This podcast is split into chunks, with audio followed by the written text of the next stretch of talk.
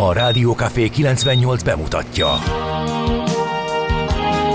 A Fekete Erdőn is túl, a város szélén, a hatos számú korteremben, egy olyan városban, ahol a vészhelyzetek mindennaposak, és bármi megtörténhet. És meg is történik.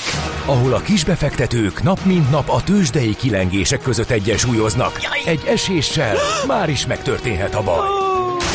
Segítség! Csak négy doktoron múlik a biztos felépülés. Doktorulakat várják a négyes műtőben. Egy fáradt, de mindenre elszánt és profi csapat vigyáz az egészségre minden reggel. És kik ezek a kitartó szamaritánusok? Négy orvos, egy módszer és egy bögre kávé.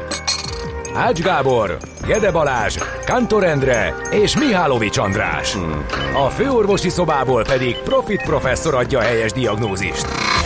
Humor, emberi sorsok, közönséges balesetek és profi megoldások. Néha sürgősségi, néha félig zárt osztály. A Gazdasági Muppet Show minden hétköznap reggel. Te is figyelj! Neked is írjuk a receptet! De miért? Ha nincs pénzed azért, ha megvan, akkor pedig azért. Millás reggeli.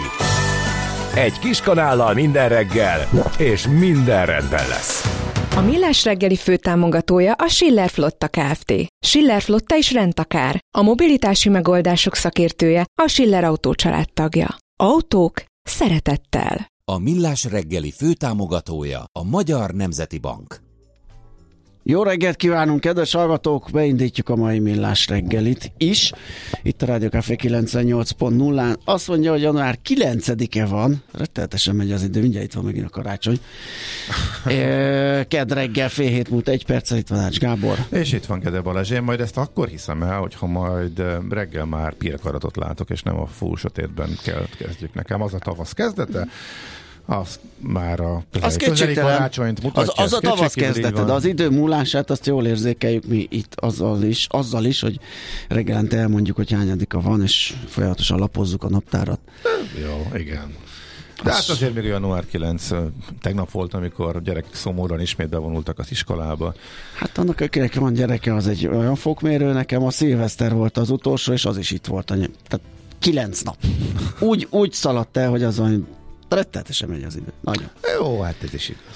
Oké. Okay. Sajnos. Na, viszont jó hideg van, a nulla és a fél vagy nulla és a fél, a nulla és a mínusz egy között mm, vibrált a mérőke. Nem is olyan hideg, mint amire számítottam. Egyébként, amikor kiszálltam, akkor, akkor érzetre mm, tényleg nem volt annyira vészes. Hát de várjál, a szerda hajnalra mondják a mínusz 10 Igen, de mínusz 5, 5 volt ma igen? éjszakára is, legalábbis amikor Aha. tegnap reggel megvizsgáltam.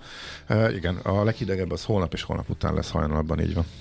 Igen, úgyhogy um, azért erre készülni kell. Hát az utak járhatóak, Viszont azért szárazak. én láttam egy enyhén lefagyott vízát, vízátfolyást, és az lesz nagyon veszélyes tud lenni. Tényleg? Tehát ahol kifolyt a víz, vagy valami oknál fog fel, oknál fogva, este éjszaka víz került az útburkolatra, azért az csúnyán le tud fagyni. Tehát hát pont annyira, pont annyira, mint mínusz van simán mindenhol, és nyilván külterületeken még inkább, hogy ez problémát okozhasson. Úgy, ja, és egy olyan brutális balesetet láttunk, nem szoktam.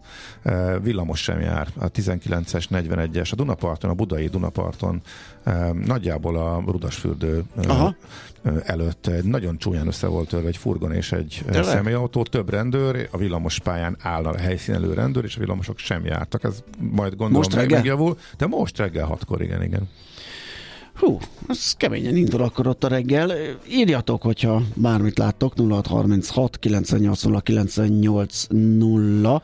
Egyébként már érkezett, azt mondja, hogy mínuszos jó reggelt kartársak, a tegnapihoz képest ideális forgalmi viszonyok között indul ma a nagy vizit. Aggály és tünetmentes 21 perc jelenleg Zugró a mező Gödről. Hát ez ki más, mint D-kartárs írta. Aztán, ó, ez egy nem túl erős viccecske, köszönjük. Igen, két szomorú hírről is beszámol a hallgatónk, ami egyébként három is van, sajnos. Mert hogy elveszítettük Finta József építészt, Ferdinándi György írót is, és Franz Beckenbauer haláláról is érkezett hír, úgyhogy ez a tegnapi nap ez nagyon, nagyon egy ilyen feketére sikerült. Igen, szomorú ez. aztán ö, valahol még láttam, mint hogyha Gézu is igen észrevétette magát, egy szösszenettel egy fél percest küldött nekünk. Nem tudom, hogy most mi van, de szerintem néha nem árt, ha az ember nem firtatja, hogy mi van. Elég, ha csak benne van abban, ami van. Honnan jönnek ezek? Fél hét előtt, négy percen. Igen, de hogy, de hogy ezek ugye általában megvannak mindenkinek, ezek a pillanatok vagy életérzések, igen. És akkor még itt is van egy ilyen, azt mondja, hogy Aranyos Jervintől egy idézet, az elferdített tények csak a gondolkodó embereket zavarják, a többieket a gondolkodó emberek zavarják. hm, ezt föl, fölírhatjuk Ezt az a, a, abszolút, listára. Abszolút. Ajaj, mindjárt valaki megnyomja a gombot Ács Gáboron, kérdezik tőle, hogy előbb-utóbb minden mozgó járműre felül, felülne -e egy 737 maxra, vagy maxre, hol önhatalmulag, ha olyan a kedve lenyomja a gép orrát, hol elveszít egy ajtót tokostól, úgyhogy egy Portland városi tanár hátsó kertjébe találják meg azt. Hát én ültem már néhányan, mert hogy jár menetrend szerint például a Ryanairnek a flottájában, meg hát most már a maxok azok teljesen másfél évre kivonták őket a forgalomból, azt a hibát a hatóságok vizsgálatának eredménye szerint helyre tették, azóta nem is volt velük gond. Ez most, a, másik. ez most a 9-es széria, amivel a probléma van, és azok közül is csak egy rész. Én egyébként pont tegnap annak néztem utána, hogy mondjuk magyar utasokban fölmerülhet ez a kérdés, tehát hogy mondjuk pontosan az a széria repül Magyarországra, és hát a Fly Dubai-nak vannak gépei, három darab egészen konkrétan ebből a Max 9-esből, de és kiadtak egy közleményt, és ott nem tudtam értelmezni, tehát, hogy nem értettem, hogy miben más, valamiben más technikailag, tehát nem vonatkozik rá. Ugye az amerikai légügyi hatóság földre kényszerítette a vizsgálatra ezt a típust, de ennek ebből sem mindet, meg nem terjed ki a hatája az egész világra. A Fly Dubai, ami az Emirateshez tartozik, egyébként azt mondja, hogy az övéki az nem ilyen. Tehát az, náluk ez az ajtó rendszer, ez más. Ők ráhegeztettek még egyet a keretre. Hát, igen, de mond, itt, itt elvesztettem a fonalat. Azért az a baj, hogy ez nem annyira, nem annyira jók ezek a hírek. Főleg, ne, hogyha egy típusról nem. jön, akkor az emberben azért ott a drek, hogy Nyilván hülyeség, de hogy ez össze van rakva rendesen, vagy hogy még milyen konstrukciós egyéb hát hibák figyelj, jöhetnek ki. Nekem ijesztőbb volt a légitárság reakciója az, hogy ott volt a hibajelzés, tudtak a hibáról, csak nem tudták, hogy mi okozza. Aha. És akkor a, a, a, és az volt az intézkedés, hogy Hát azért hossz, hosszút ne repüljön, mert hogyha valami történik, gyorsan le tudjon szállni. Aha. És egyébként ez történt. Nem hosszút repült, nem engedték tenger fölé, és nem engedték hosszú útvonalra a gépet. De azért nem vizsgálták meg annyira, hogy még földön maradjon, de azért simán lehetett, csak mondjuk rövidebb utakon. És mondjuk, ha ez mondjuk nem 5000 méteren történik, hanem mondjuk 8000-en, vagy utazó, utazó magasságon, akkor nem tudjuk, hogy mi lett volna.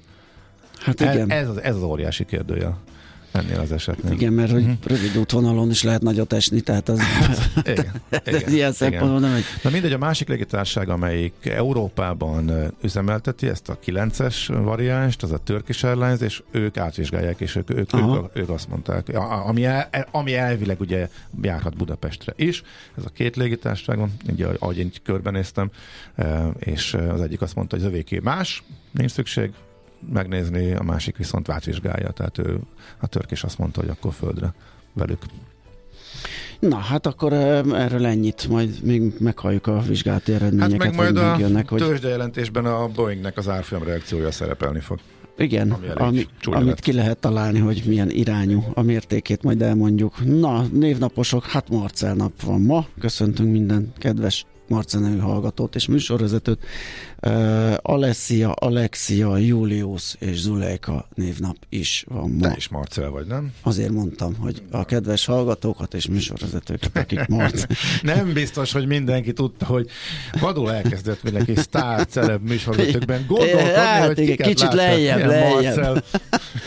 lejjebb keresétek. Na, születésnaposok Karel Csapek cseh regényíró, drámaíró, akit érdemes megemlíteni mindenképp 1800 illetve mindenkit érdemes lenne, á, nem is olyan nagy a sor, lehet, hogy sorra kerül mindenki. Richard Nixon 1913-ban született, Kelti Ágnes, magyar tornász, ötszörös olimpiai bajnok, a nemzet sportolója, akit még köszönhetünk születése napján. Uh, Lee Van Cliff, amerikai filmszínész, született 1925-ben Wilbur Smith. Á, Istenem, és évek óta gondolkodom, hogy róla szóló Csetomás dalt a születésnapjára behozom, és valahogy És mindig, lemarad. mindig lemarad, mindig elfelejtem, de pedig annyira zseniális dal. Aztán Joan Baez, hogyha jól mondom, amerikai uh-huh. folk énekesnő zeneszerző, aki ma szülinapos Jimmy Page, angol gitáros zeneszerző. Nézem, mi lesz az első szám, semmi köze hozzá, jó? Semmi. Um, Dés László Kossuth Díjas magyar zeneszerzőt is köszöntjük. Hajdu Steve színészt, Sean Paul, jamaikai rappert, és Katalin Veszi hercegnyit reméljük föl kell már, és hallgat minket. Eh, Sean Paulra természetesen. Hát az meg se kockáztattam megkérdezni, hogy lesz-e egy jó Paul ma reggel. Félek nem. Természetesen nem, viszont ki kell, hogy faggassalak. Én már látom, hogy itt össze-vissza fogok kalimpálni. Eh, Ma van az első nap, eh, amikor a laptopom állapota annyira, mármint a laptop beépített egér állapota annyira Az a touchpad. leromlott, a, igen, a, a, a, a touchpad, igen, hogy kiegészítő egérrel Aha. Készülve álltam be. Így viszont az adásvezérlő egér és a laptop egér egymás mellett van, és hogy ezeket hogyan fogom elrendezni, hogy ezt ne keverjem össz- össze őket, és kalimpáljak össze-vissza, és hogy ne valami hülyeséget nyomjak, azt még nem tudom. Na, majd tanácsot kérek tőled, aki már átesett ezen a... Igen, de én ott nem használok egeret, amikor ott vagyok, mert tulajdonképpen meg vagyok még egér nélkül, egér a finom munkákhoz, mint Hát például akkor- csárt elemzések Ja, finom értem, jó, akkor- vonalainak és bütykeinek meg húzása, számlálása. Egyébként most is itt van, és ha nem mondod, el is felejtem bekapcsolni. Úgyhogy annyit még tud, Uh, ja, meg akkor, ha jobb oldali egérnyomás kell, mert azt már nekem sem megy. Hát ilyen Ja, kis ja, romhalmazokkal jó, kell dolgoznunk. Jó, hát akkor megpróbálom. Ak- jó, jó, akkor BT. egyelőre félre rakom, megpróbálom. Így csak az a veszély fenyeget, hogy valami fontosat kéne a saját laptopon nyomni, és nem sikerül, és akkor meg picit ideges leszek. Igen. De Kaptunk egy- kisebb veszély. gyors időjárás jelentés Takácsiból mínusz 7 fok Anita küldte. Mhm. Az már azért úgy Hát érezhető. ahol van mínusz 7 van, ott holnap még abból egy az lesz a mínusz 15, igen, azt- vagy azt mondja, 12, az 10, 15. Holnap meg Igen. lehet a 10 alatt, igen. Hol zárt? Hol nyit? Mi a sztori? Mit mutat a csárt? Piacok, árfolyamok, forgalom a világ vezető parketjein és Budapesten. A tőzsdei helyzetkép támogatója a Magyar Nemzeti Bank. Mindjárt lapszemlézünk is, de akkor még a tőzsdét ide bigyeztjük. Nagyon jó hangulat volt.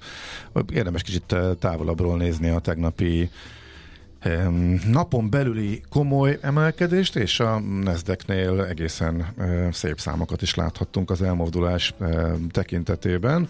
Ennek az előzménye az, hogy a múlt hét az nagyon rossz volt, de előtte meg 9 héten keresztül ment az emelkedés, tehát a, teg, a múlt heti, az idei első hetének a rossz teljesítménye, az végül is egy évelei kiábrándulásnak tekinthető. Volt honnan esni, volt honnan korrigálni, egészen brutális lett a Mikulás rally, eh, ilyen azért nagyon ritkán van. Hú, nem is tudom, sok-sok-sok évvel ezelőtt volt rá példa, hogy 9 héten át folyamatosan megállás nélkül, korrekció nélkül emelkedjen a Wall Street. Ez volt tehát az év vége, erre volt a negatív reakció a múlt héten, és ebből most újra fölfele indultak el a e, piacok, tehát e, az év második hete az újra emelkedést e, hozott, tehát végébe visszatérést az előző évnek a végének a trendjéhez. Egyébként ez az emelkedés akkora volt, hogy em, majdnem le is dolgozták az egész heti mínuszt az indexek. A Nasdaq kiemelkedően teljesített, majdnem 2%-ot, Sőt, több mint 2%-ot ment föl. Ha egy nagy átlagot nézzünk, tehát mondjuk az S&P indexet az olyan másfél százalék, kicsit kevesebb. A Dow Jones eh, vastagon alul teljesített, de hát itt a bűnöst már megemlítettük, eh, ugye ez csak 30 részvényt tartalmaz az index, és az egyik ebből a Boeing, amelyik eh, 8% fölötti zuhanással vétette észre magát az újabb biztonsági problémák, illetve a MAX 9-esek földre kényszerítése miatt, illetve nem is ennek a konkrét, illetve közvetlen hatása az, ami ilyenkor para, hanem a befektetők azt gondolják, hogy emiatt, akik ingadoznak, vagy éppen tárgyalgatnak mindkettővel, akkor a másik irányába dőlhetnek el, tehát akkor esetleg Airbus rendelhetnek, és a Boeingnek a rendeléseit, rendelés állományát tartósan negatívan befolyásolhatja, hogy ha úgy érzik a megrendelők, hogy vajon valami folyamatosan van. Aztán meglátjuk, hogy ez majd hosszabb távon mennyit ér. Az elemzők egyébként kiálltak a cég mellett, és, és akárkit láttam nyilatkozni, azt mondták, hogy ez túlreagálás, és ettől még a repülőgépgyártó kilátásai jók, úgyhogy érdekes reakció volt minden esetre. A 10 éves hozam esett egy kicsit, de nem látványos mértékben, 4%-on zárt, úgyhogy ez inkább egy a múlt heti esésnek a fölfele korrekciója az, aminek fölfogható ez a tegnapi emelkedés, visszapattanás. Árfolyamban. Igen. Igen. A Budapest értéktőzsdén a Bux... Ja, és már a tőzsde vonatkoztatva gondoltam, nem is igen. a kötvénypiacra, igen. Nem szerepelt ilyen jól, 1 volt a mínusz, talán majd ma lereagálja ezeket az amerikai eredményeket a hazai bőrze is. Estek a vezető részvények közül jó páran, azt mondja, hogy az OTP kivételével mindegyik. Az OTP emelkedni tudott 4%-kal 15.950 forintig. Ez egyébként elég jó, hogy megtapadt ezen a 16-on, nem megy túl, de ez egy elég erős szint, és az, hogy nem jött méretes reakció, vagy korrekció itt ezen a szinten, csak egy kis tűnődés a befektetők részéről, a hogyan továbbról ez egy elég jó technikai jelzés. De a többi vezető részvény esett tegnap, a legkisebb mértékben a MOL 1,1%-kal 2836 forintra, a Richter 1,1%-kal 9020 forintra, és a Magyar Telekom 7,1%-kal 680 forintra. A Masterplus tovább tudott menetelni, hogy a pénteken nyomott egy hatost majdnem, 5,5% körül emelkedett és most a tegnapi kereskedésben is egy közel 4%-os rallival 2925 forintos záróárral vétette észre magát. Ott mi a háttér? Ingatlan piac magára talál idén? Várakozás? Vagy mi húzza? Hát nem az egész ingatlan piac, inkább a, inkább a, a felújítási és szigetelési piac. Uh-huh. Ugye ott volt egy olyan nyilatkozata az elnök igazgatónak, hogy tudomásra van arról, hogy a kormány dolgozik egy olyan felújítási programon, terven, ami akár az első negyed napvilágot láthat, és valószínű, hogy az erre irányuló spekuláció hajtja ezt. Tegnap ezt Árokszállási Zolival megerősítettem uh-huh. ebbéli elképzelésemet, és ő is erre gondolt, mert hogy más egyéb hír nem látott napvilágot a piacról. Az x kategóriában az Ebdufernek volt egy 2,5% körüli esése, a Naturland 3,4%-kal esett, a Gloster stagnált, a napenyerti emelkedett 1,4%-kal, a Poliduct 7,5%-kal, a Start, Balogpatya cége pedig 10,3%-kal 1500 forintra lendült. Tőzsdei helyzetkép hangzott el a Magyar Nemzeti Bank támogatásával. Akkor gyorsan még Nem is baj, hogy összement a lapszemle, mert annyit izzadtam itt, hogy az percekig nem találtam olyan érdemlegest, ami... Ó, én kettőt is figyelj, akkor gyorsan. Az jó, azzal el leszünk. Akkor, akkor elmondom. A kettős játszmát folytatnak a magyarok az állampapírokkal. Itt van néhány érdekes szám című portfólió cikkben. A pénzáramlásokról lehet különféle diagramokat, grafikonokat nézegetni, amire az először ránéztem, az a prémium állampapírnak a havi, vagy heti szintű értékesítése. Itt ugye a 48. héten volt egy egészen észbontó, kimagasló rekord adat, az 1894 milliárd for, forint, viszont ez érthető volt, mert az volt a utolsó hét, mielőtt leborították ezt az állampapírt, és most nagyon leegyszerűsítve 20-ról 10-re nyomták le a, a kamatát, ekkor vesztette el infláció követő jellegét, erről sokat beszéltünk. Miért utána az a kérdés? Hát brutális visszaesés. Tehát eltűnt. Van a kimagasló, tudom, amikor van a kimagasló oszlop a diagramon, és igen. utána meg nagyítóval kereste azt, ami, követ, ja, ami mögötte jön. Azok a következő hetek viszont az egész évet nézve a rekordmélység, tehát 11, 9 milliárd, majd 13 és 15.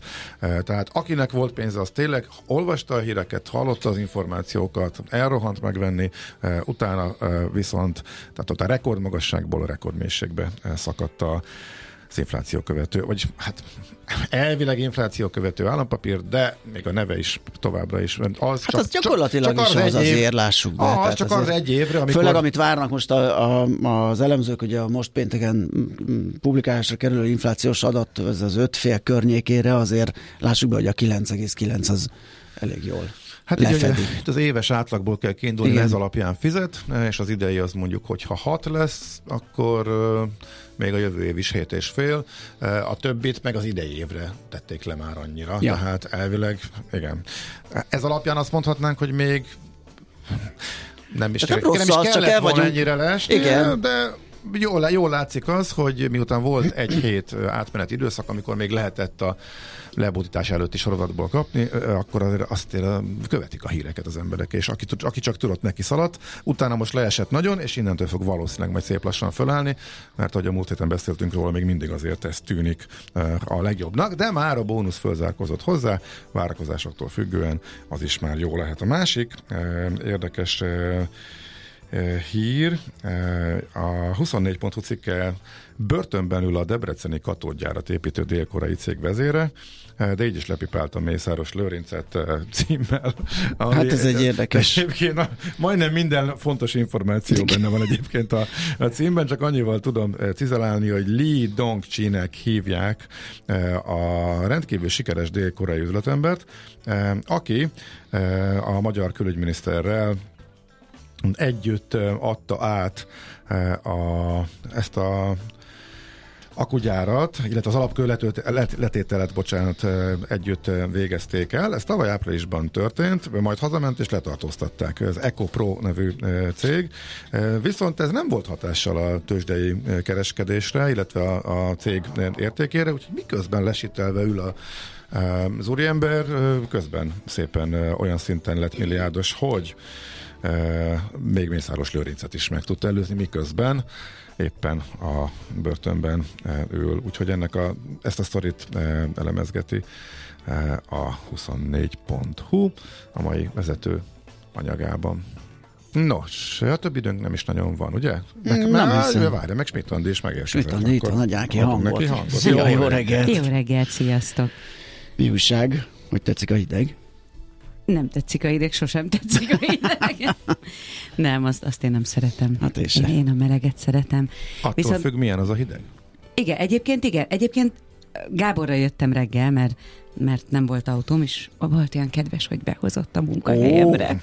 És és nem fár, kérdezted... megtiszteltetés, hogy engem kértél fel a feladatra. Noha hasonló útirányon érkezett volna Balázs kolléga Gondolkodtam én nem, este. Én lent vagyok a rakparton. Az nekem egy nagy kerülő. De gondolkodtam este, és Három tíz órakor perc. jutott Igen. eszembe, nekem hogy is. kinek szóljak. Á, mondom, a Balázs már alszik. Balázs Mikor? alszik tízkor. Tíz óra. Ja, ha hogy ne aludnék, ötkor kellek, hát viccezel. És a Gá- Gábornak hogy nem tudsz elaludni sosem. Remé- hogy nem elaludni, fölébrek hajnalba, és most is ez történt, hogy háromkor már kuporék voltam. Úgyhogy, úgyhogy... A Balázs nem alszik tízkor, csak, csak nem szereti, hogyha ez argatják, mert ilyenkor már ő ilyen zen, zenben van meg. Viszont említetted már itt adás előtt ezt a karambolt, olvastam most róla uh-huh. a neten nem jár egyik villamos sem, Aha, mindegyik terelve. Akkor még igen, igen, Aha. mentők jönnek, meg elég durva, hát az egyik autó az hát ripityára volt láttuk, törve. és hát tényleg, tényleg, tényleg nagyon csúnya. Úgyhogy a 7-es meg a 133-as buszt javasolják, mert az úgy valahogy... Azt ki tudja kerülni, igen. igen. igen. Föl tud menni az Erzsébet hídre, úgyhogy elmegy, elmegy alatta, és visszakanyarodik a Döbrent Tehát az működik, a villamos De egyik villamos működik. sem jár arra. Na jó, hát akkor bele is Nem tudom, lehet, hogy benne lesz a közlekedési hírekbe is. A, akár. Mindjárt Gondoltam, azért elmondom én is. Meghalljuk mindjárt. A mai világban könnyen félrevezetnek a csodadoktorok és a hihetetlen megoldások. Az eredmény? Hája pocim marad, a fej még mindig tar, a profit meg az ablakban. De már is segítenek a legjobb orvosok. Doktor megelégedés, doktor higgadság, doktor vidámság és doktor nyugalom. Doktor úr, ennek össze-visszaver a GDP-je, a pulcosa meg egy csökkenő gyertya. Két végéről égette. Ezt visszakalapáljuk, és olyan hozamgörbénk lesz, amilyet még dr. Alonso Mózdi sem látott. Millás reggeli. A gazdasági Muppet Show. Figyelem! Fogyasztása függőséget okoz. A Millás reggeli főtámogatója a Schiller Flotta Kft. Schiller Flotta is rendtakár. A mobilitási megoldások szakértője a Schiller Autó tagja. Autók szeretettel. A Millás reggeli főtámogatója a Magyar Nemzeti Bank. Jó reggelt kívánunk, kedves hallgatók! Ez a Millás reggeli változatlanul. Itt a Rádió Café 98.0 január 9-én kedden reggel 7 óra 10 perckor. Itt vagyunk Ács Gáborral. És Gede Balázsa. És az elérhetőségünk sem változott. 0636 980 980 ide SMS, WhatsApp és Viber formában is lehet üzenetet küldeni. Igen, kérik az ötödiki műsort, szerintem perceken belül ö, fent lesz a honlapunkon, és akkor visszahallgathatóvá válik. Egy másik hallgató írja, teljesen összezavarodik a kazán. Ő a lapszemlét szokta hallgatni, nem a tőzsdét. Hát nem tudom, hogy a kazán mennyiben hallgatja a mi műsorunkat, de az kétségtelen, hogy volt egy csere véletlenül. Előreugrott a tőzsde, és a mögé került a lapszemle. Ez nem lesz így innentől, ez ma volt így. Aztán azt mondja, szia uram, 737 MaxRace kiárat érdekel? Ö, igen, az még röptébe lehet elkapni, igen, értjük, elkapni, jó. igen. igen. Aztán Schmidt Andi hangja bearanyozza a reggelemet, ezt mérnök írja, és ugye 747-es le tudsz szállni Ferihegyen? Hát ez persze, persze tud. miért ne tudna, simán. 747-es, 737-es. De a Jumbo 747-es. Ja, 747-es Jumbo. Ja. Hát volt, volt is rá példa, hogy teher Jumbo erre mászkáltak. Kiszolgálni, ja, azt, tényleg? azt hiszem kiszolgálni, tehát ö, személyszállítót, vagy utasszállítót azt hiszem, hogy nem lehet, talán a kiszolgálási infrastruktúra nem volt alkalmas. Ha jól rémlik, de most ebben nem vagyok teljesen biztos, de jártak ők erre. Uh-huh. Na, körülbelül ennyi, és akkor megnézzük, hogy milyen budapesti infóink vannak. Egyre nagyobb buborékban élünk, de milyen szép és színes ez a buborék. Budapest, Budapest, te csodás! Hírek, információk, események, érdekességek a fővárosból és környékéről.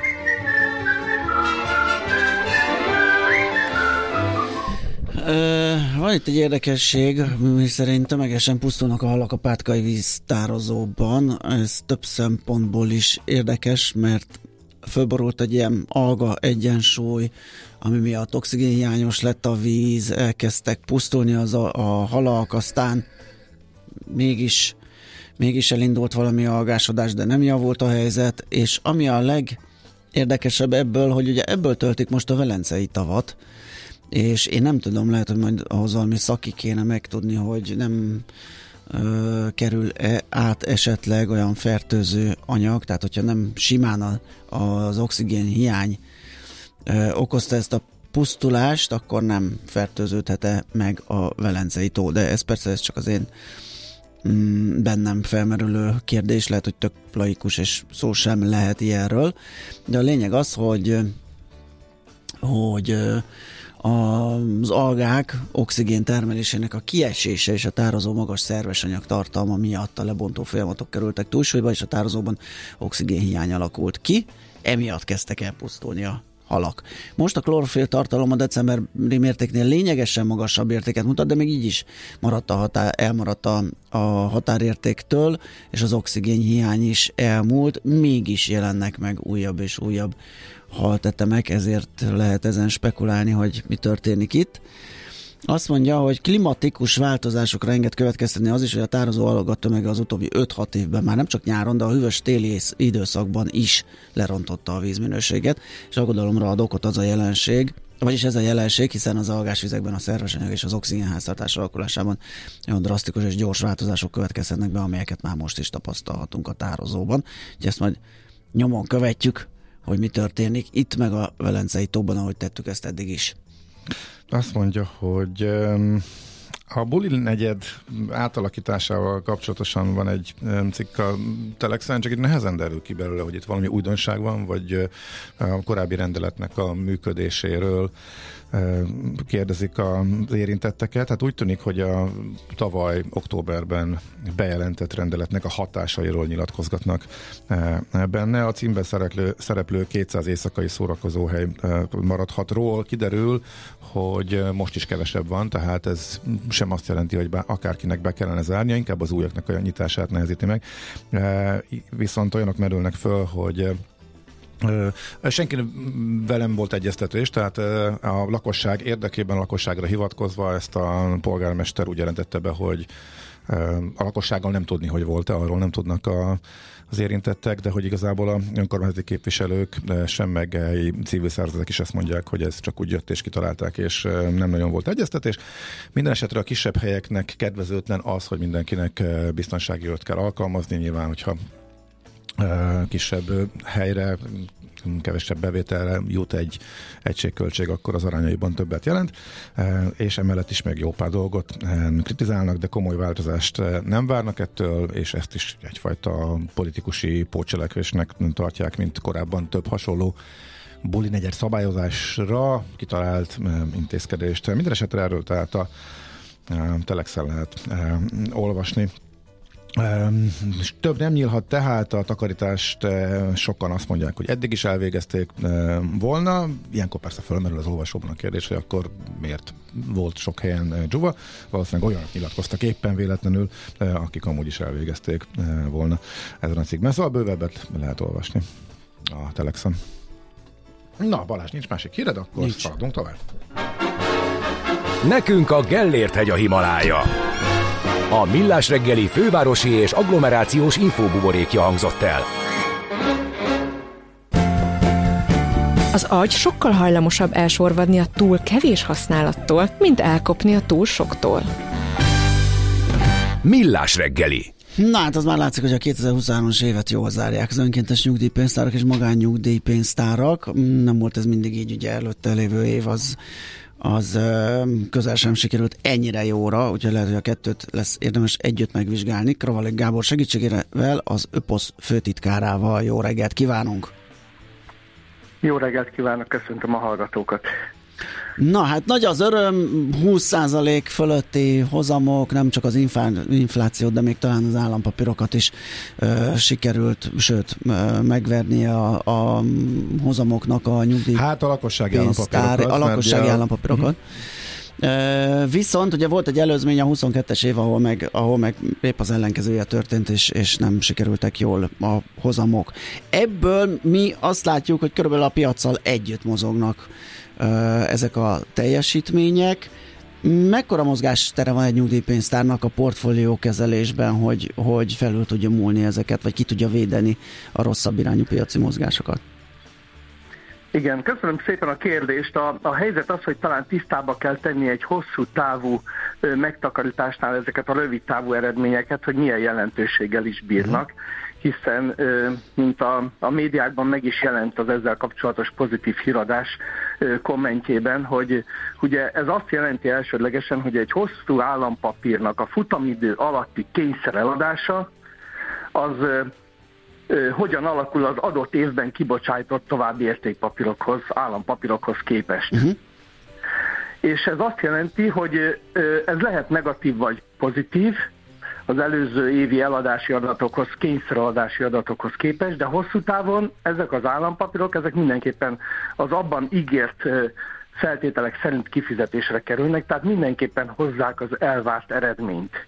Ezért ezek ilyen virtuális számok. Örülünk a pozitív eredményeknek, örülünk a vagy sajnáljuk a negatív piaci környezetekben ezeket a 2022-es eredményeket, de azt kell tudni, hogy ezeket nem szabad egy hosszú távú megtakarításnál uh-huh. egy pénztártagnak, egy, egy magánszemélynek irányadónak tekinteni, és meghatározni ezáltal az, az aktuális magatartását, például felmondani a, a pénztári tagságát, vagy kivenni belőle pénzt egy rosszabb időszakban, hiszen a hosszú, hosszú távú megtakarítás végén mindenképpen egy nagyon jó megtakarítás és egy biztos eredménnyel kecsegtető megtakarítási forma a nyugdíjpénztár megtakarítás, különösen azért, mert ugye ezek a pénztártagok tulajdonában álló non-profit szervezetek az egyik legolcsóbb megtakarítási formákat jelentik ma Magyarországon, a legeredményesebb, egyik legeredményesebb megtakarítási formákat, és az állam is jelentősen támogatja az ebben történő megtakarítását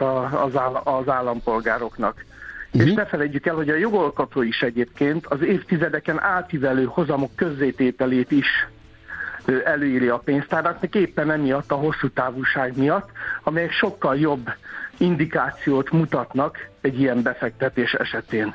de vannak még számos olyan szempontok, amiket érdemes figyelni, és amivel le lehet mérni ezeket a teljesítményeket, és amelyek így a külső, éppen aktuális piaci környezettől talán kevésbé is függnek, mint például, hogy éppen aktuál, mennyien öngondoskodnak, milyen befizetéseket teljesítenek a, az adott évben a pénztártagok, mennyien hisznek egyáltalán az öngondoskodásban, vagy mennyire tudnak felelősen, pénzügyileg tudatosan gondolkodni az adott évben, ez hogyan terjed a társadalomba.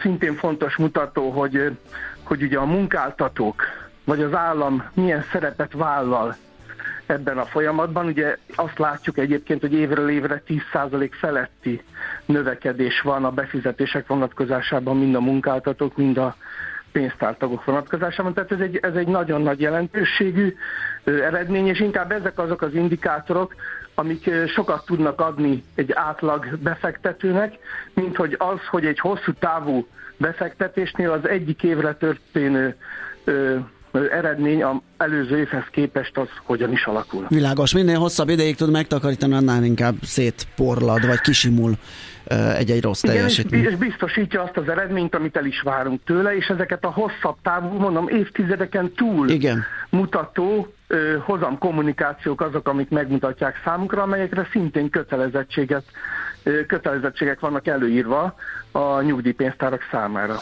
Egy kedves hallgató felhúzta a szemöldökét, már, már amennyiben ezt ugye egy WhatsApp üzeneten keresztül meg lehet tenni, hm. és azt írta, hogy olcsónak azért nem mondanám a nyugdíjpénztárakat. Mit tudunk a költségstruktúráról? Nyilván vannak toligok, mert azért van egy pár piaci szereplő. Mit jelent ez a relatív olcsóság? Hát nyilván vannak költségek, amiket fedeznie kell. Igen, a... Hát a relatív olcsóság azt jelenti, hogy a jogszabályok meghatározzák a maximum érvényesíthető költségeket, és ezek mind egy százalék alattiak éves viszonylatban, tehát 0,9-0,8 százalékos költségekkel TKM-mel futnak a, a pénztárak, tehát, tehát ez valóban olcsóbb. Tehát, hogy még akár egy nyeszhez is összehasonlítva, amelyet például, hogyha tényleg az aktuális piaci folyamatok szerint akarunk mondjuk egy, egy előtakarékossági számlát kezelni, akkor ott olyan járulékos többletköltségek merülhetnek fel, amelyek a nyugdíjpénztári költségeket is meghaladják, és nem is, és most nem akarom a többi megtakarítási terméket is idehozni, de bőven 3-3,5 száz alatt fölötti díjjal működő hosszú távú megtakarítási formák vannak a pénztárakon kívül a piacon, tehát majdnem 30 az egyharmada a többinek a pénztári megtakarítás, tehát tényleg kifejezetten olcsó, és ugye szakmai befektetők foglalkoznak a pénztári megtakarításokkal, ezen jogszabályok által meghatározott költséglimiteken belül. Uh-huh. A súlyát tekintve hova tudjuk tenni a pénztárakat? Hogyha most így egyként kezeljük az önkéntes és a magánt, akkor uh, mellette még vannak a nyugdíjbiztosítások és az említett nyesz. Uh, a megtakarítók hát, milyen mértékben veszik igénybe a pénztári megtakarításokat? Hát jelenleg 1,1 millió pénztártag van, nagyságrendileg a, a szektorban, és egy olyan 1800 milliárd forintos megtakarítást tudnak magukénak ezek a pénztártagok, és, és tartanak a pénztárakba megtakarításként, nyugdíj előtakarékosságként, és messze a nyugdíjpénztárak azok, amelyek a legelterjedtebbek az előbb említett megtakarítási formák közül. Uh-huh. Jó, hát kösz, köszönjük szépen ezt a, kis, ezt a kis kitekintést, és hát abban bízunk, hogy az idei év is jó lesz, már pedig nyilván, hogyha folytatódik a, a hozamcsökkenés, ami egyelőre úgy néz ki, hogy a piacon jelen van, akkor véletőleg ez az év is jó sikerül. Egy utolsó kérdés, csak hogy van ilyen várakozás, ha már így ugye játéktérügyben kötvény-kötvény, de hogy a hosszú kötvények irányából a, jó, a rövid kötvények irányába érdemes elmenni, a hosszú kötvényen mindenki jól keresett, tavaly ezt látjuk ugye a pénztárak eredményeiben is.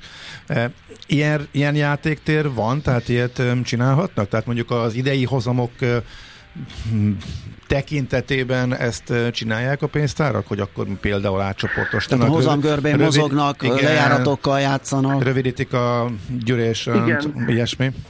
Igen, ez, ezek, ezek, a, ezek a lehetőségek rendelkezésre állnak a pénztári ö, alapkezelőknek, befektetőknek, ö, hogy, hogy esetleg a hosszú távú befektetéseknél ilyen minimális ö, ástruktúrálást végre tudjanak hajtani, például durationnel, és ezáltal rövidíteni valamilyen szinten a, a megtakarításokat, a kötvényeket, de azért ezt felelősséggel kell tenni, hiszen tényleg itt a hosszú távúságon van a, van a hangsúly, és nem lehet úgy berövidíteni, hogy az aktuális piaci folyamatokat teljesen, teljesen le lehessen követni, de a hosszú távú megtakarítások nem véletlenül hosszú távú kötvényeket, papírokat ö, ö, igényelnek, és azokat is használják elsődlegesen a befektetők. Azon belül persze vannak ilyen minimális ö, pár éves játék lehetőségek, amikkel élni tudnak.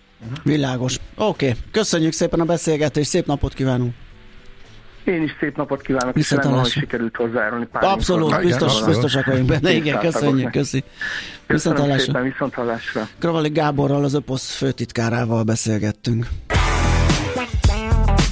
3R, vagyis Reduce, Reuse, Recycle. Csökkentünk, újrahasználunk, újrahasznosítunk. Cél a Zero Waste. Semmit se küldjünk hulladéklerakóba, ne pazaroljuk az energiát. Legyen a ma terméke a jövő alapanyaga. 3R. A Millás reggeli körforgásos gazdaságrovata következik.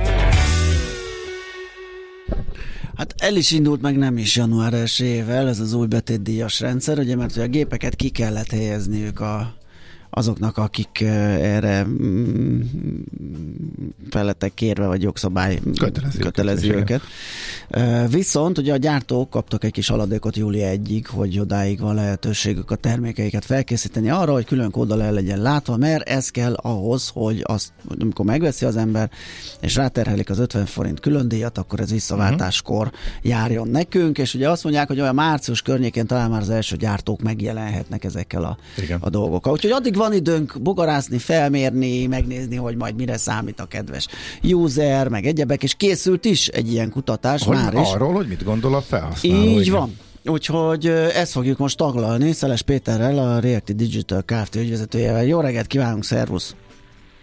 Jó reggelt, szervusztok, üdvözlöm a hallgatókat! Na, miről szólt a felmér? Ti mire voltatok kíváncsiak, vagy mi, mire lőtt a kutatás, mit akart megtudni alapvetően?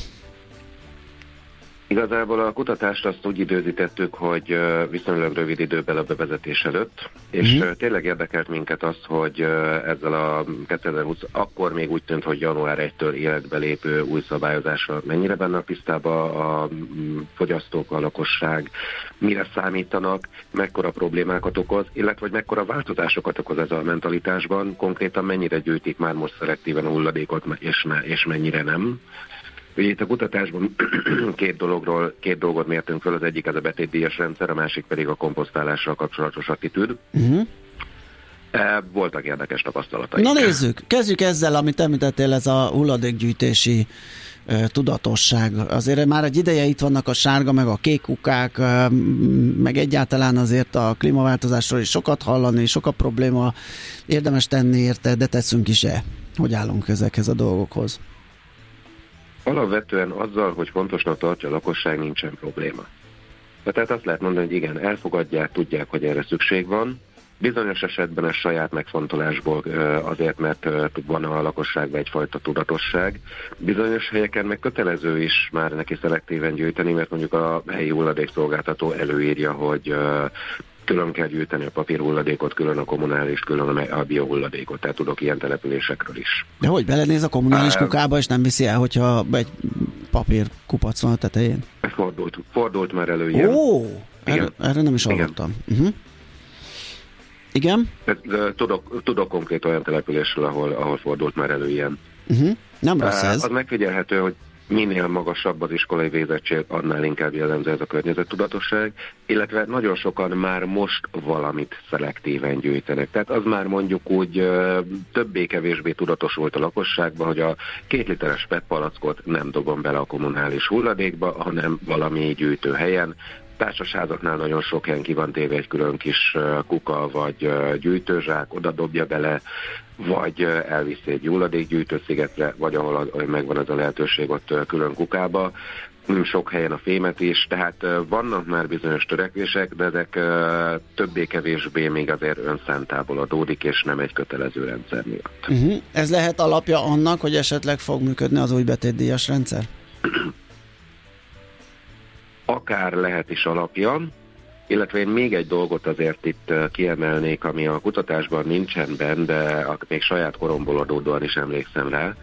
a boomerek, illetve az X generáció egy olyan korban nőtt föl, amikor már működött egy kötele, nem kötelező, de működött egy betétdíjas rendszer. Aha, hogyne. Tehát én még emlékszem arra, amikor 6 forint volt a sörös üveg, meg azt hiszem 24 forint volt a pesgős üveg, és bizony nem volt kérdés, hogy visszavisszük vagy nem visszük, hanem... Hát azt, abból lehetett zseppénzt csinálni, hát milyen király így volt van. az. Így van, meg a papírgyűjtés a végtelepen. Ho, ho, ajaj. Igen. Tényleg. Igen, fogyasztottam én is ebből dinnyét. igen, igen. Volt erre példa. Szóval megvannak az alapok. Meg lehetnek az alapok, közben felnőtt egy generáció, aki ebben a rendszerben már nem élt és nem ebbe szokott bele, viszont az is tény, és el kell ismerni, hogy ez a generáció sokkal inkább fogékony a környezetvédelmi felfogása, a Mhm. környezetvédelmi attitűdre, tehát ők gondolkodásmód miatt könnyebben meggyőzhető és könnyebben beúszható lesz ebbe a rendszerbe, azt gondolom. Tehát Világos. az alapelképzelés jó, és el kell mondjam, hogy a kérdőívet, amikor kitöltöttük, több olyan visszajelzés is jött, hogy mennyire pozitív ez az egész, és, és, és egy jó dolognak tartják. Azon kívül, hogy jó dolognak tartják, mennyire nyűg ez nekünk? Ezt esetleg firtatta-e a kutatás? Biztos, hogy nyűg, persze egyértelműen rákérdeztünk a nehézségekre is. Uh-huh. Jelenleg is már vannak problémák, az egyik nagy probléma tud lenni a távolság. Uh-huh. Tehát ha szelektíven gyűjt valaki, akkor meg kell fogni azt a hulladékot, és valamilyen módon el kell juttatni egy szelektív gyűjtőszigetre. Hogyha elindul egy betétdíjas visszaváltó rendszer, akkor azok a visszaváltó automaták, azok helyhez kötöttel lesznek ott, oda-oda kell vinni a PET palackot, oda kell vinni a sörös dobozt, a boros üveget, és ö, nagyvárosokban ez jellemzően nem lesz gond, illetve nem ez lesz a gond talán, hogy a távolság, de kisebb településeken ez akár gond is lehet, ugye 400 négyzetméter fölött kötelező üzemeltetni ezeket a visszaváltókat, alatta önkéntesen lehet csatlakozni, de ha egy 300 fős faluban úgy dönt a bolt, hogy ő nem akar csatlakozni, akkor elképzelhető, hogy a szomszéd faluba vagy akár 15-20 kilométert is el kell vinni ezeket a szelektíven gyűjtendő műanyag és üvegpalackokat, hogy visszakapja a pénzt, amit befizetett. Itt azért ne felejtsük el, hogy nem csak a visszaváltásról van szó, hanem ezért előre kifizeti a vásárló a betétdíjat, amit utána vissza tud kapni. Világos. Az, hogy milyen formában honorálják a visszaváltást, tehát hogy készpénzt kap, vagy kupont, vagy lehetőséget arra, hogy jótékony célra használja fel, azt hiszem ez is benne van a pakliba. Igen. Arról szólt-e kérdés, és vannak-e ilyen preferenciája megkérdezetteknek? Megmértük, de némiképp nem meglepő módon nem a jótékony felajánlás került Hát, az első helyre. Gondoltam.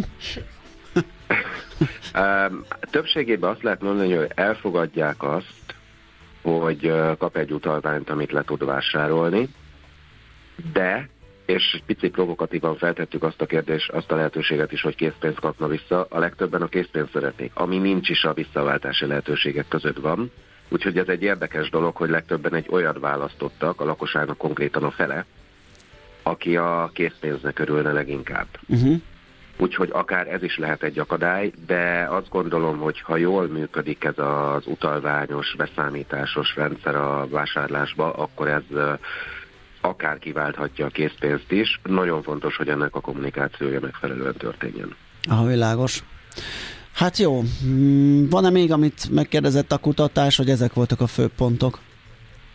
Igazából még egy picit a nehézségekkel kapcsolatban öm, fölmerült egy érdekes dolog, hogy picit aggódtak azért a, aggódik azért a lakosság egyrészt, hogy megfelelő kapacitása lesz ez, ezeknek a visszaváltó automatáknak. Egyébként bennem is ez a legnagyobb kérdés, hogy ott fogok-e tolongani Igen. sok mindenki Igen. mert most az egyik harddiskon egyedül ember nem látta még, aki akar a marha, hogy egy forintért visszavisz egy pillepalackot, és kettőért egy ö, sörös dobozt. Én ott vagyok, és általában egyedül ügyködöm ilyenkor a gépnél, de az 50 forintért azért ott lesz, lesz ö, szerintem Az érdeklődő. 50 forintért vissza fogják vinni. A másik az, hogy ki fog ott még tolongani. Uh-huh. Tehát most egy picit egy alternatívát mondok, amikor visszaviszed a bevásárlóközpontba a 100 forintos kosarat, Aha. és ott is azért tolonganak esetenként olyanok, akiknek nem feltétlen örülsz, hogy ott tolongnak.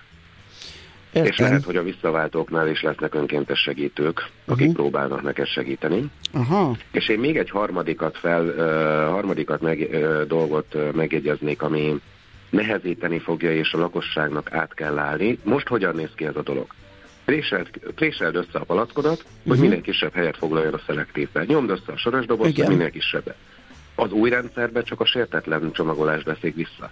Igen, én már tréningeztem ezzel a hard diskonttal, mert ott hasonlóan ö, egyben kell kezelni, de azt, azt nem mondom, hogy könnyű. Tehát rohadt sok helyet foglal ugye innentől a, az ott, otthoni gyűjtés. Uh-huh. Hát Tehát ez... egy négyfős háztartás, hogyha PET palackot vásárol, hetente akár 8-10-12 PET palack, két literes PET palack elfogyhat, az azért már helyet is igényel, Igen. hogyha nem nyomhatod össze. Nálunk is sok, úgyhogy nem használunk ásványvizet, mert szűrt vizet iszunk. Hát ez meglátjuk, a puding próbálja, ugye szokták volt mondani, úgyhogy így meglátjuk, van, hogy van. hogyan fog ez működni. Mi minden esetre nagyon köszönjük, hogy megosztottad velünk ezt a kutatást és ennek az eredményeit, mert így mi is egy kicsit tisztában látunk, hogy mit várnak a, a, a felhasználók ezen a téren. Köszönöm még egyszer, szép napot kívánunk! Köszönöm Szia. szépen, szép napot nektek! Szervusz! Szeles Péterrel, a React Digital Kft. ügyvezetőjével beszélgettünk a majdani, de éppenséggel már elindult betétdíjas rendszerről. A körforgásos gazdaság több, mint újrahasznosítás. Egy értékláncon és iparágokon átívelő gazdasági modell, melyben nincsenek hulladékok. 3R. A Millás reggeli körforgásos gazdaság rovata hangzott el. Az egészség a teljes testi, lelki és szociális jólét állapota, nem csak a betegség hiánya. Az egészség közös ügyünk. Tájékozódjunk együtt az ellátás, diagnosztika, költségek, eszközök, finanszírozás és biztosítás aktualitásairól. Pulzus. A Millás reggeli általános egészségügyi rovata. Hát mi is beszéltünk, vagy említést tettünk már róla, de akár találkozni lehet máshol hírekben. Sőt, aki ellátogat a Nemzeti Népek és Ügyi Központ oldalára, honlapjára, az láthatja is azt a listát, mert ez módosult egy pár hónap után, hogy egyre több az ország különböző egészségügyi intézményének különböző osztályai kezdenek Hát így látszólag, hogy ez egyre nehezebben működni, mert hogy vagy részlegesen, vagy teljesen leállnak. Hát ez nem a gördülékeny és flott flottó működő egészségügyi ellátás képét mutatja ugye a laikusnak, aki erre ránéz. Mindjárt megnézzük, hogy mi történik, mi van a háttérben. Kunec Zsombor segítségével, orvos egészségügyi elemzővel beszélgetünk. Jó reggelt kívánunk! Jó reggelt kívánok! Ez a hivatalos közétételi hely, de akkor miért nem frissült ilyen sokáig? Itt mi a rendszer, ahol, ahol észrevettek viszont ezeket a változásokat? Szerintem itt a, az NNK nem serénykedett ezeket a kijelöléseket mindig időben közéteni, sőt, én tudok olyan kijelölésekről, amelyek most sincsenek fönt, tehát szerintem ilyen teljesen randomszerűen frissítették ezt az mhm. oldalt, viszont most januárban, és ez volt a furcsa, január 6-án szombaton, miután ez a János Kórházas botrány kiderült, mely szerint uh, különböző belgyógyászatok uh-huh. gyakorlatilag a második kerületnek az ellátását teljesen le is mondják. Uh, frissült szombaton, ami, ami azért volt furcsa, mert előtte hónapokig, hónapokig nem frissült. Tehát, talán előtte um, november, október másodika, vagy október 30-a volt az utolsó frissítés, mert nem emlékszem erre pontosan, de mindegy, az a lényeg, hogy nem tartották ezt annyira karban, és most így hirtelen ez, ez bejutott, hogy ezt, ezt el kellene kezdeni, és kitettek 20 uh, uh, kijelölő határozatot, többnyire kijelölő határozatot, amelyben különböző kórházak különböző részlegei, részleges vagy teljes leállását uh-huh. jelentették. Tehát a kijelölés ezek szerint azért kijelölés, mert hogy a tartalék vagy az átirányítás helyét jelölik ki, miután leállnak osztályok, Egészen ha jól értem. pontosan. Aha, Egészen okay. pontosan. És akkor ezen kívül is még vannak. Mit lehet tudni az okokról? Itt van-e indoklás, illetve milyen információi Emberhiány, vannak? forráshiány, Ember, működési igen. problémák, lehet sok minden, és lehet mindenből egy kevés, hogy aztán egy ilyen összetett nagy probléma halmazt agregáljanak ezek ezek együtt, vagy generáljanak? Ami, ami most januárban uh, egészen biztosan nagy hangsúlyjal játszik ebben a, uh, ebben, a, ebben a sok lemondásban, a, az a bérnővéri rendszer, vagy a munkaerő kölcsönzésnek a tiltása az egészségügyben, ugyanis egy jól sikerült államtitkári uh, határozattal megtiltották, hogy a kórházak továbbra is köznapi nyelvén bérnővéreket vegyenek igénybe, és, és így, biztosítsák, így biztosítsák a szolgáltatást.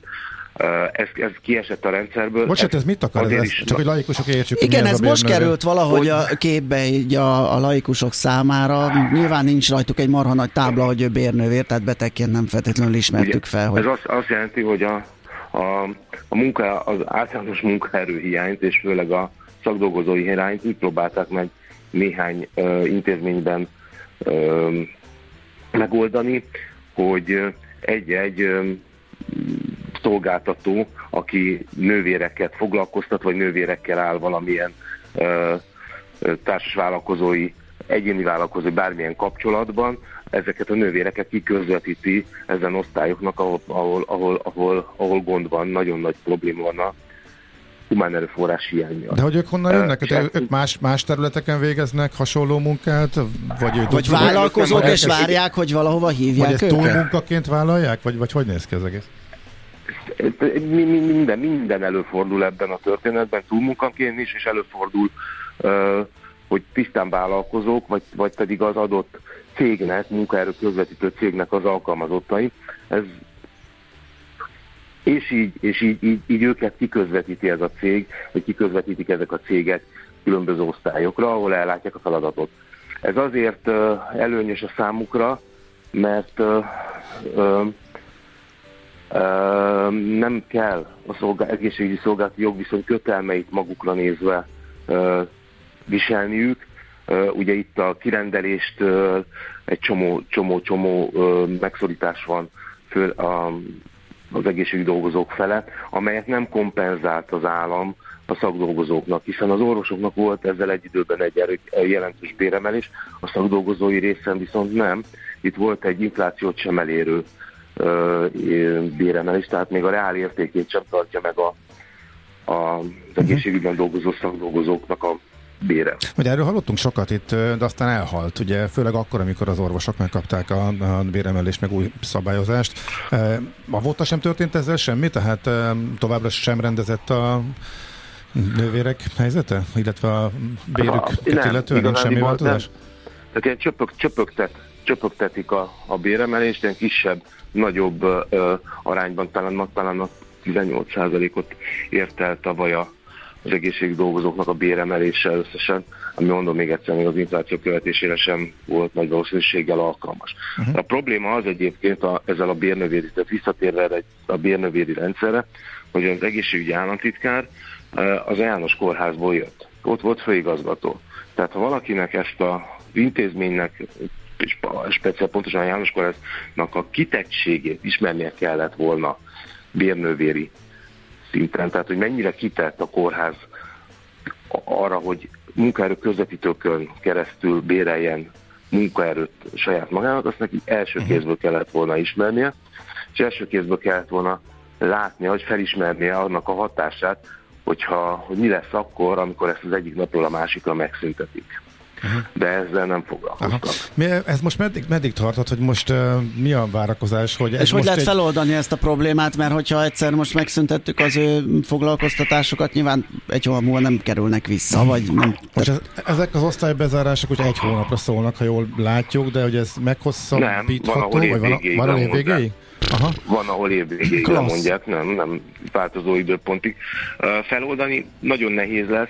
Nyilván, nyilván szerintem vissza, fog, vissza fognak lépni ebből a bérnövéri kérdésből, ahogy egyébként a, ugye júni, júliusban megtiltották a orvosoknak is a, a közreműködői szerződéseket, tehát a, a egészségügyi közreműködésként, közreműködőként való foglalkoztatást. Most úgy tűnik, hogy a, a MOK honlapján elér, elérhető levelezésből, hogy, hogy ebből is visszalépnek, és már készítik elő azt a jogszabályt, de vissza tudják csinálni azt, amit csináltak. Hát kérdés az, hogy ez segít Aha, de gondolom akkor itt eh, ez valamilyen szinten azért, hogyha ennyire komoly problémák vannak és veszélybe kerül az ellátás, eh, nyilván egy választási évben, akkor azért ez lehet, hogy kivált intézkedéseket.